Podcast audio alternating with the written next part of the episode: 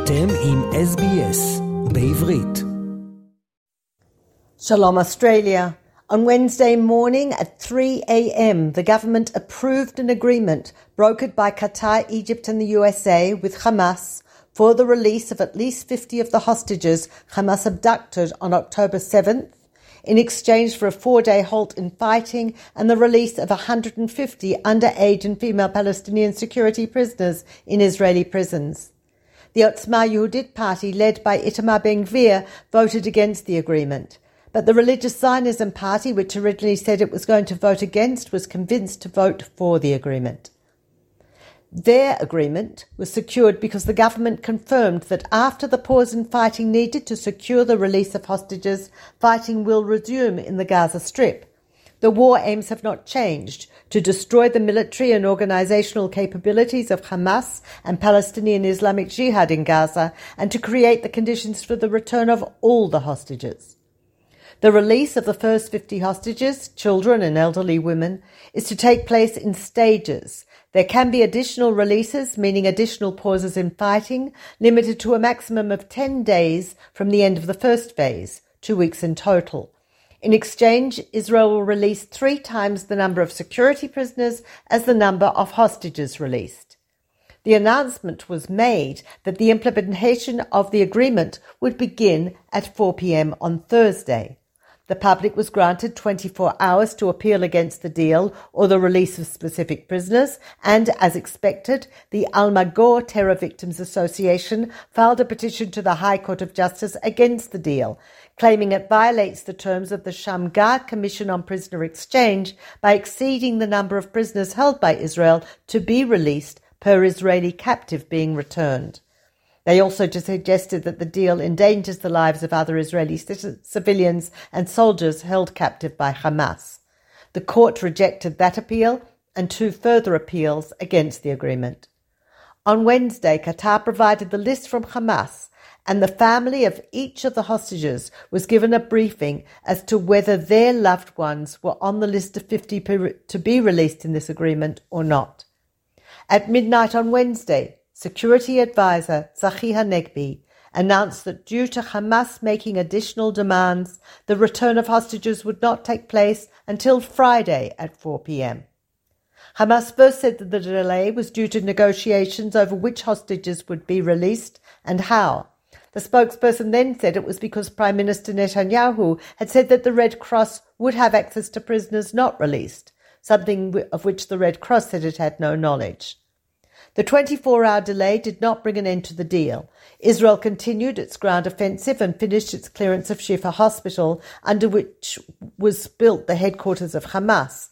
The director of the hospital was taken for questioning after it became clear that he had been aware of Hamas operations and that Israeli hostages had been there, including one killed. No patient or medical personnel were injured in the IDF's operation. Throughout the week, there was also heavy fighting in the north of Israel, with Hezbollah causing some damage, but without injuries, as most of the population in the affected area has been evacuated. Israel responded with airstrikes at targets in Lebanon and Syria. At 10 a.m. on Friday, the ceasefire came into force. Fifteen minutes later, there were some rockets fired towards Israel, but Israel decided not to respond.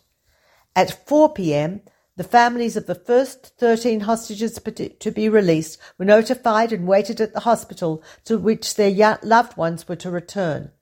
A large media event was held in Egypt at the Rafah crossing where the handover to the Red Cross was taking place.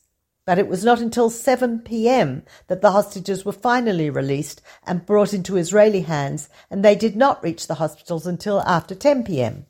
They were in good health. They were Yafa Adar, 85, a founder of the Oz kibbutz and the oldest person to be taken hostage on October 7th. A video of her being taken into Gaza on a golf cart driven by Hamas militants went viral shortly after her abduction. More than a quarter of the community of kibbutz Nir Oz was killed or remains missing. Her oldest grandson, Tamir Adar, the 38 year old father of two, was also abducted and is still being and is still being held hostage. Margaret Moses, 77, a retired biology teacher, the mother of three and mother of ten. She was released. She's a cancer survivor. Chana Katzir, 76, also a member of Kibbutz Nir Oz, a mother of three and grandmother of six. Her son Elad, 47 year old, was also kin- kidnapped and is still in Gaza. She discovered last night that her husband, Rami Katzir, 79, was killed in their home. Adina Moshe, 72, from Nir Oz, a mother of four and grandmother of 12. Her husband, David Moshe, was killed in their home on October 7th. Ruth Munder, 78, from Nir Oz, a retired hairdresser and seamstress who was abducted along with her husband, her daughter Karen, and her only grandson, Ohad. Karen and Ohad were released, but her 78 year old husband remains in Gaza. Her son Ro'i was killed on October 7th. Danielle Aloni and Emilia Aloni, five, were visiting Nir Oz for a family gathering on October 7th. Her sister Sharon, Aloni Cunio, and other family members were kidnapped and remain in Gaza. Doron Katz Asher, 34, Raz Asher, aged 4, and Aviv Asher, 2, another family who were visiting the kibbutz when they were kidnapped. Chana Perry, 79, who lives in kibbutz Nirim and who immigrated to Israel from South Africa in the 1960s. She was the mother of three, is the mother of three, one of whom was murdered on October 7th and another kidnapped. She has diabetes and suffers severe vision loss in one of her eyes.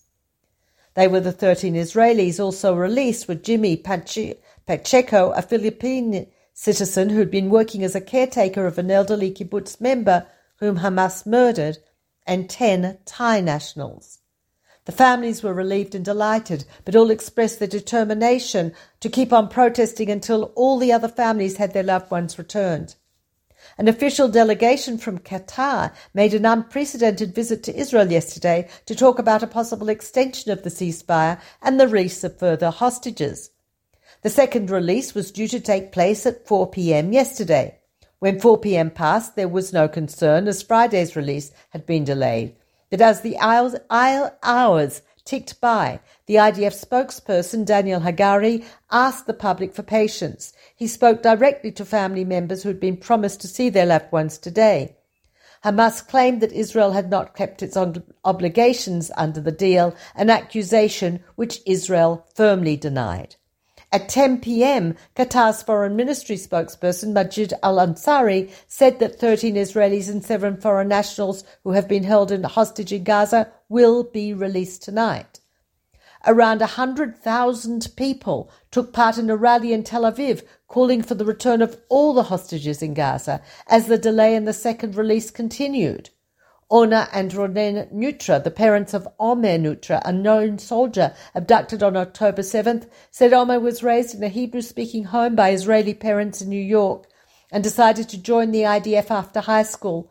They said we spoke to him on Friday afternoon, that's the 6th of October, and said it, he said it would be a calm Shabbat.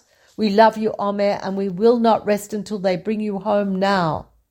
At 10.55, one hour and five minutes before the deadline, Hamas announced officially that they had transferred 13 Israelis, seven children and six women, and uh, seven, other hostages into the hands of the Red Cross.